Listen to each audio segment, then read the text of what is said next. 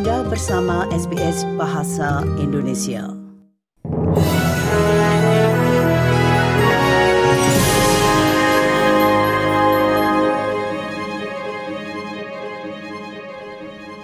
Berita selengkapnya. Ribuan warga Australia berkumpul di Vietnam Forces Memorial di Canberra dan di seluruh negeri ini guna memberikan penghormatan kepada para veteran Vietnam 50 tahun setelah ditarik dari Perang Vietnam. Pada tanggal 18 Agustus 1966, Australia mengalami kehilangan terbanyak selama Perang Vietnam, di mana 18 tentara Australia tewas dan 24 luka-luka. Sebanyak 60 ribu personil Australia bertugas di Vietnam selama satu dekade, mengakibatkan 523 nyawa melayang dan sekitar 3 ribu lainnya luka-luka. Ketika para tentara yang selamat kembali dari Vietnam, mereka disambut dengan agresi dari komunitas atas keterlibatan mereka dalam konflik yang tidak populer itu. Perdana Menteri Anthony Albanese mengakui pengorbanan mereka dan meminta maaf atas keterlambatan negara dalam mengakuinya.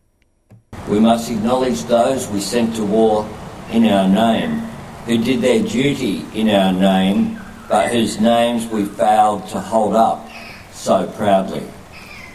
Fifty years after the role of Australian troops in the hostilities in Vietnam came to an end, let us again acknowledge you. Let us acknowledge the weight of what you lived through, what you saw, what you felt. Ratusan delegasi Partai Buruh mendengar telah tiba di Queensland untuk menyelesaikan program kebijakan pemerintah selama sisa sesi legislatif.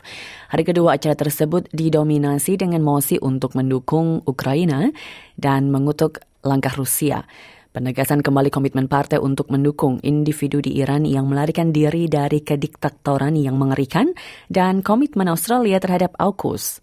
Perdana Menteri akan menggunakan kesempatan ini untuk berbicara mendukung perjanjian pertahanan AUKUS dengan Amerika Serikat dan Inggris dalam upaya untuk memadamkan oposisi internal terhadap rencana pembelian kapal selam bertenaga nuklir. Menteri Pertahanan Richard Marles menggambarkan perjanjian AUKUS ini sebagai pilihan yang jelas. We are talking about nuclear propulsion. And without it, we will not have in 2040 the same submarine capability that Paul Keating gave us in the year 2000. And if we take submarines off the table, we will never have left our country more exposed, and that will undermine the whole idea of Australian self reliance, which is at the heart of our platform. Perdebatan tentang reformasi pajak pendengar diperkirakan akan memanas dalam beberapa bulan mendatang. Dengan mantan bendahara Partai Buruh mengatakan, warga Australia ingin melihat lebih banyak langkah dilakukan guna membuat sistem ini lebih adil. Presiden Nasional Partai Buruh Wayne Swan yang menjabat sebagai bendahara saat pemerintahan Rudd dan juga Gillard menunjukkan bahwa ia selalu mendukung gagasan pajak laba super.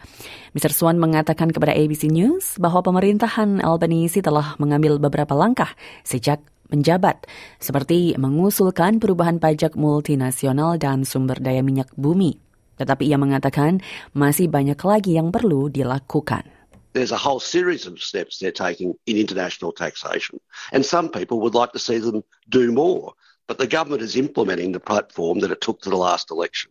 And there are initiatives when it comes to international tax. And it's not surprising that some people might want to see more done over time. Law Society of New South Wales mendengar telah memberikan dukungannya di balik proposal untuk mengabadikan suara penduduk adat dalam konstitusi Australia. Ini terjadi di tengah perdebatan ya atau tidak di antara para pemimpin untuk mendukung suara bangsa pertama di parlemen dan dorongan untuk rincian lebih lanjut dalam susunan suara tersebut. Law Society percaya bahwa Voice to Parliament ini merupakan kesempatan yang jelas dan bersejarah untuk mengabadikan dalam konstitusi suatu kerangka formal untuk menyuarakan sistem hukum yang adil dan dapat diakses. Cassandra Banks, Presiden badan tersebut, menyampaikan berikut ini. The Council of the Law Society supports respectful and courteous debate about the voice referendum. The proposed amendment to the Constitution is a modest one leaving the Parliament with power to design the voice and how it will work. This approach will enable the voice to evolve and improve over time so it can better respond to the issues of the day. And we're being asked to vote for the power, not for the details. Dari olahraga pendengar, Brisbane Broncos berhasil menangkis minat dari klub saingannya di NRL untuk memperpanjang front rower superstarnya Payne Haas. The Broncos telah mengkonfirmasi pada hari ini bahwa Haas telah menandatangani kontrak hingga akhir musim 2026. Kesepakatan baru dilaporkan bernilai 1,2 juta dolar per tahun. Pelatih Brisbane Kevin Walters mengatakan ia sangat senang Hans akan mengenakan seragam Broncos untuk tahun-tahun mendatang.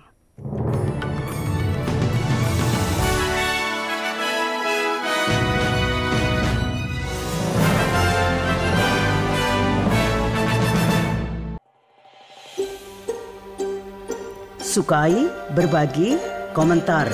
Ikuti SBS program Bahasa Indonesia di Facebook.